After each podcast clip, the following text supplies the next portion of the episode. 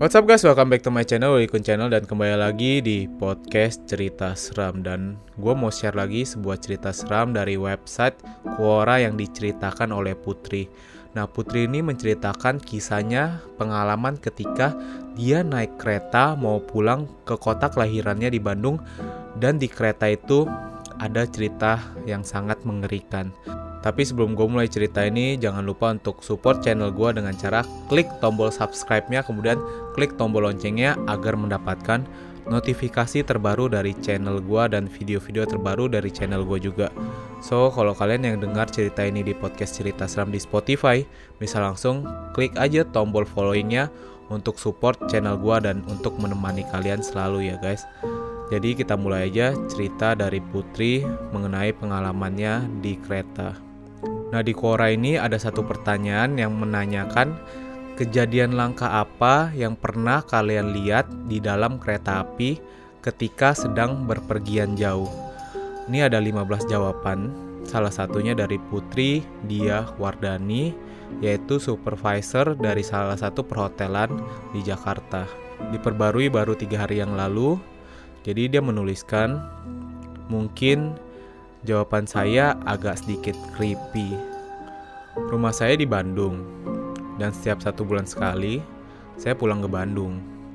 Setiap kali saya ke Bandung, pasti selalu naik kereta api. Setelah selesai pulang kantor di hari Jumat, saya langsung bergegas menuju stasiun kereta api. Di hari itu, tampak ada yang berbeda. Waktu masih menunjukkan pukul 7 malam, kereta saya berangkat pukul 8 malam. Masih ada satu jam, saya menunggu kereta api datang. Saya sibuk dengan handphone saya, melihat postingan sosial media menjadi salah satu alternatif yang mengalihkan perhatian agar saya tidak bosan. Posisi saya duduk di peron stasiun menghadap ke arah jalur kereta api. Saat saya melihat ke seberang, ada seseorang wanita yang memakai pakaian serba putih. Namun, pakaiannya asing. Menurut saya seperti bukan selayaknya orang asli sini. Saya sempat mengerutkan dahi, saya sambil melihat baik-baik wanita tersebut karena jarak yang agak jauh, saya tidak bisa melihat jelas mukanya. Ah, kok saya jadi merhatiin orang yang tak saya kenal? Maka dari itu, saya berhenti melihat wanita itu. Kereta saya pun datang, lalu saya bersiap untuk menaiki kereta. Sebelum kepala kereta melewatin saya, saya berdiri dan menatap wanita di seberang tadi yang memakai baju serba putih. Tiba-tiba, wanita itu tersenyum, lalu kepala kereta melewati saya. Saya merasa aneh. Saat di dalam kereta, saya mulai mencari gerbong dan tempat duduk saya. Nah, sudah ketemu, gerbong 3 nomor 13D. Saya duduk dan saya mulai menyimpan tas saya di bawah kaki. Kemudian saya mengatur tempat duduk saya dan mulai mengeluarkan handphone saya kembali. Saat saya melihat keluar jendela, wanita tadi masih ada di sana, tetapi posisinya berubah. Yang tadinya duduk, sekarang berdiri.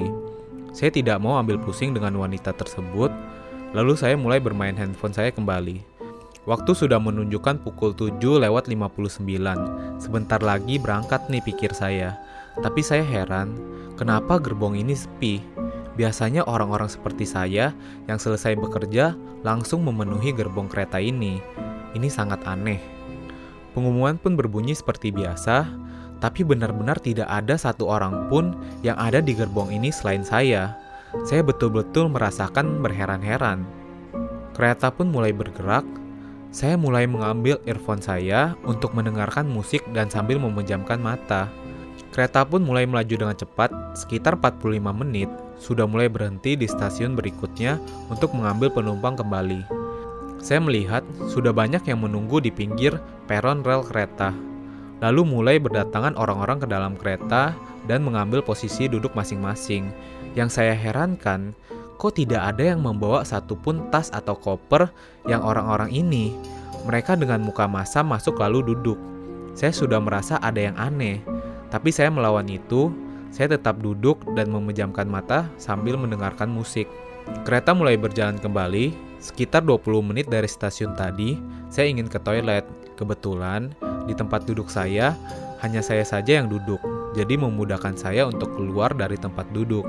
Saya melangkah ke arah toilet, kebetulan toiletnya ini ada dua, jadi saya bisa memilih. Saat saya di dalam toilet, tiba-tiba lampu kamar mandi mati. Saya menyalakan lampu dari handphone saya, lalu saya cepat-cepat agar saya bisa keluar dari toilet ini. Saat saya keluar, tiba-tiba di depan pintu ada kondektur yang berdiri di situ. Mukanya pucat sekali seperti orang yang sedang sakit. Saya lalu bertanya pada kondektur tersebut, "Pak, lampunya mati ya?" Saya jadi buru-buru.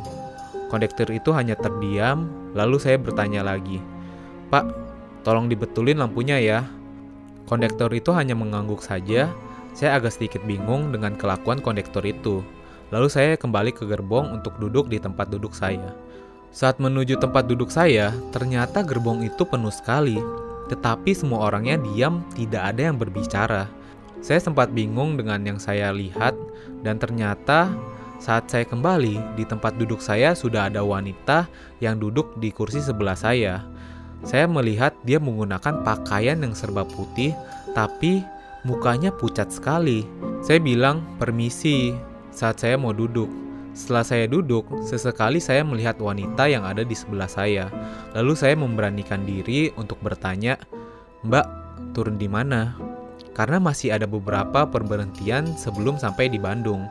Wanita itu tidak menjawab dan menyuruh saya diam dengan memakai bahasa isyarat, telunjuk tangan kanannya di samping bibirnya. Baiklah, saya diam. Tiba-tiba saya lapar dan sangat tumben sekali.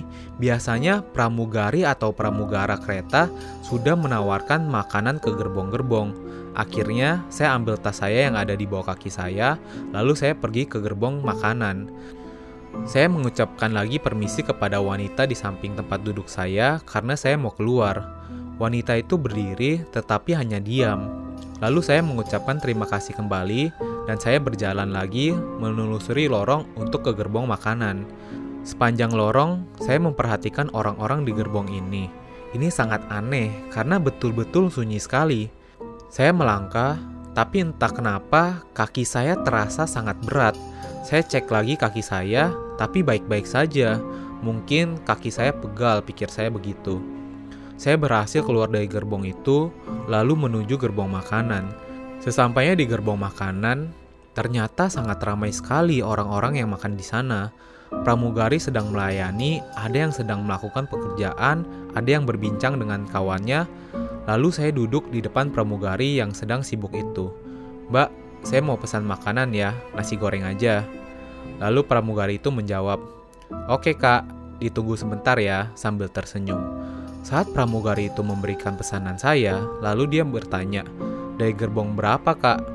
Lalu saya menjawab, gerbong tiga mbak, sambil saya mengambil sendok untuk mulai makan. Lalu pramugari tersebut bertanya lagi, gerbong tiga kak, eksekutif. Pramugari itu bertanya seperti memastikan. Saya pun menjawab, bukan mbak, ekonomi sambil melahap makanan saya. Pramugari tersebut hanya terdiam, lalu mulai untuk melayani pelanggan yang lain. Saat saya sudah selesai makan, tiba-tiba saya dihampiri oleh kondektur di gerbong makan. Mbak, bisa lihat tiketnya, sambil kondektur melihat handphonenya. Bisa pak, sebentar saya ambilkan. Saya mengambil tiket dari tas saya, lalu kondektur itu mengambil tiket saya untuk dilihat. Saya meneguk minuman sambil menunggu kondektor itu memeriksa tiket saya. Mbak, saya antar ke gerbong dan tempat duduknya ya, ucap kondektor itu. Lalu saya membalas, tidak usah pak, saya sendiri aja.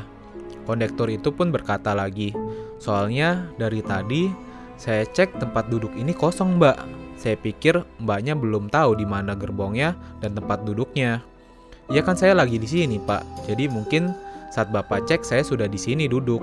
Jelas saya ke kondektur itu, Mbak, saya cek dari jam keberangkatan dan saya sudah tiga kali bolak-balik ke gerbong tiga, tapi tempat duduk Mbak ini masih kosong. Saya pun mengerutkan dahi, Pak, dari keberangkatan, saya duduk kok di gerbong 3 kursi 13D, masa Bapak nggak lihat saya? Lagian, tadi saya ketemu kondektur juga kok di depan toilet, tapi kondekturnya diem aja, padahal saya komplain lampunya mati. Orang-orang di situ pun melihat ke arah saya dan kondektur, lalu kondektur itu duduk di sebelah saya dan bertanya, Mbak, kondekturnya hari ini saya aja yang bertugas, tidak mungkin ada dua kondektur dalam satu perjalanan kereta.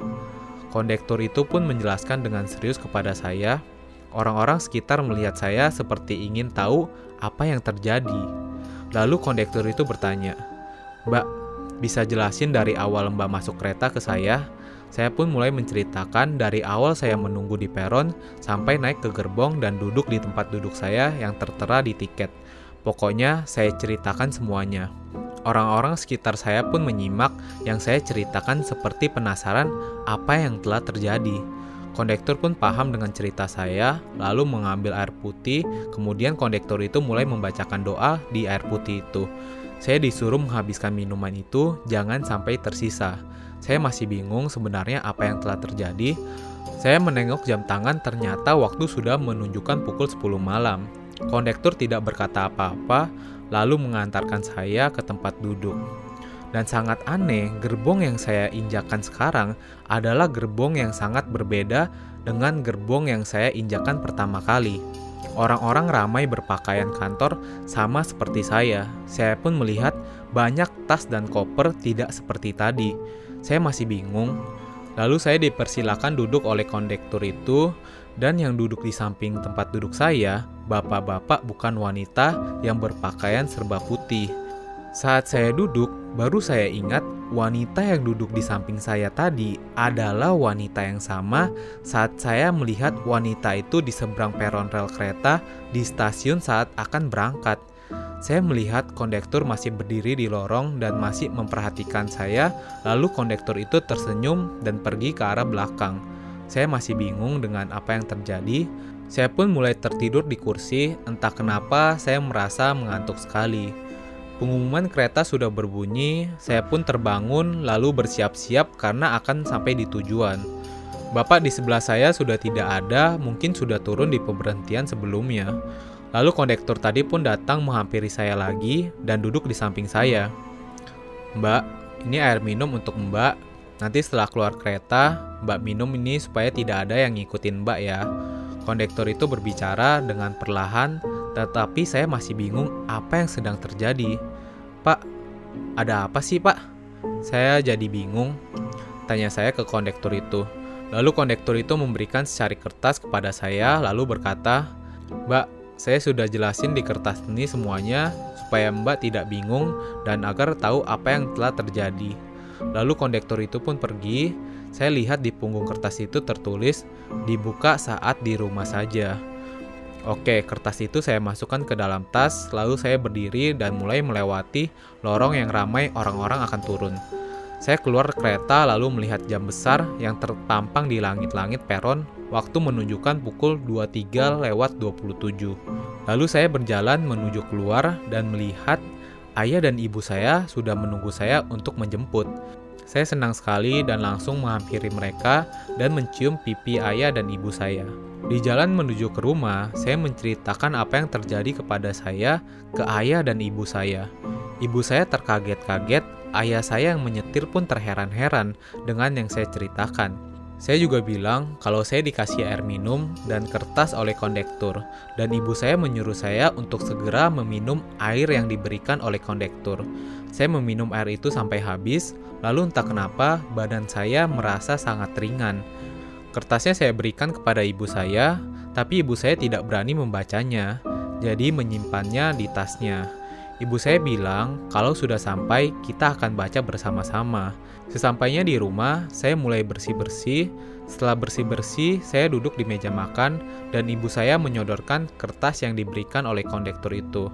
Ibu saya sudah membacanya, dan ibu saya heboh menceritakan kepada ayah saya sampai adik saya terbangun. Di kertas itu menceritakan apa yang sudah saya alami, tetapi kondektur itu pun menulis jika surat ini sudah selesai dibaca, mohon segera dibakar. Dan kami pun membakar kertas itu. Tulisan di kertas itu seperti ini. Mohon Mbak jangan panik setelah membaca kertas ini. Saya memberitahu jika apa yang Mbak alami hari ini di kereta adalah salah satu dari banyak orang yang pernah mengalami. Mbak tadi masuk ke gerbong khusus selain gerbong nyata. Mbak salah masuk gerbong mungkin karena nomor gerbong dan tempat duduk yang Mbak duduki sama dengan wanita yang duduk di sebelah Mbak yang tadi Mbak ceritakan pada saya. Seharusnya Mbak tidak masuk gerbong itu. Tetapi saya bersyukur Mbak tidak terjebak di gerbong itu. Sepertinya wanita yang di samping Mbak tadi yang menolong Mbak agar tidak terjebak di sana. Tadi di kaki Mbak ada yang menggantung. Mungkin Mbak merasa kaki Mbak terasa berat. Maka dari itu, saya beri dua kali minuman untuk Mbak supaya benar-benar tidak ada yang ikut Mbak sampai di rumah. Mohon maaf Mbak setelah membaca surat ini, saya minta untuk dibakar saja suratnya. Terima kasih Mbak, semoga Mbak selalu sehat. Saya masih tidak percaya dengan kejadian ini. Saya juga tidak memperhatikan dengan nomor gerbong dan nomor tempat duduk saya setiap kali saya bepergian menggunakan kereta api. Tapi saya memang baru sadar kalau memang ada yang aneh dengan nomor gerbong dan tempat duduk itu. Ya sudah, ini sudah berlalu. Setiap kali saya kembali menggunakan kereta, saya berharap bisa bertemu lagi dengan kondektur itu. Tapi sampai sekarang saya tidak pernah menjumpai kondektur itu dan tak kenapa saya pun tiba-tiba lupa dengan nama kondektur itu. Lalu setelah cerita ini banyak dibaca oleh orang, Putri baru mengupdate koranya tiga hari yang lalu dia bilang, Halo teman-teman, maaf baru sempat buka kora lagi. Ya ampun, tidak disangka-sangka cerita saya ini banyak sekali upvote dan banyak yang baca. Maaf saya tidak bisa balas satu-satu komentar kalian dan saya akan coba jawab dan rangkum pertanyaan kalian. Kejadian ini sudah lama, bukan baru-baru ini. Dan untuk kalian yang ingin bepergian dengan kereta, saya sangat rekomendasikan karena tidak hanya nyaman tapi juga dapat tepat waktu. Oh iya, jangan gara-gara cerita saya ini, kalian jadi tidak mau duduk di gerbong 3 dan kursi 13D ya. Ini hanya kebetulan saja. Intinya, kalau bepergian harus tetap mengutamakan berdoa supaya dijauhkan dari hal-hal yang tidak baik. Nah itu dia cerita yang udah gue sampaikan kepada kalian. Terus gue mau ingetin, kalau kalian punya cerita atau pengalaman mistis, pengalaman gaib yang mau kalian share ke teman-teman podcast cerita seram, bisa langsung DM Instagram gue di Willy Kun. Ntar gue bakal ceritain ulang untuk di-share di podcast cerita seram. So guys, thank you guys for watching this video dan tetap bersama podcast cerita seram ya. See you guys.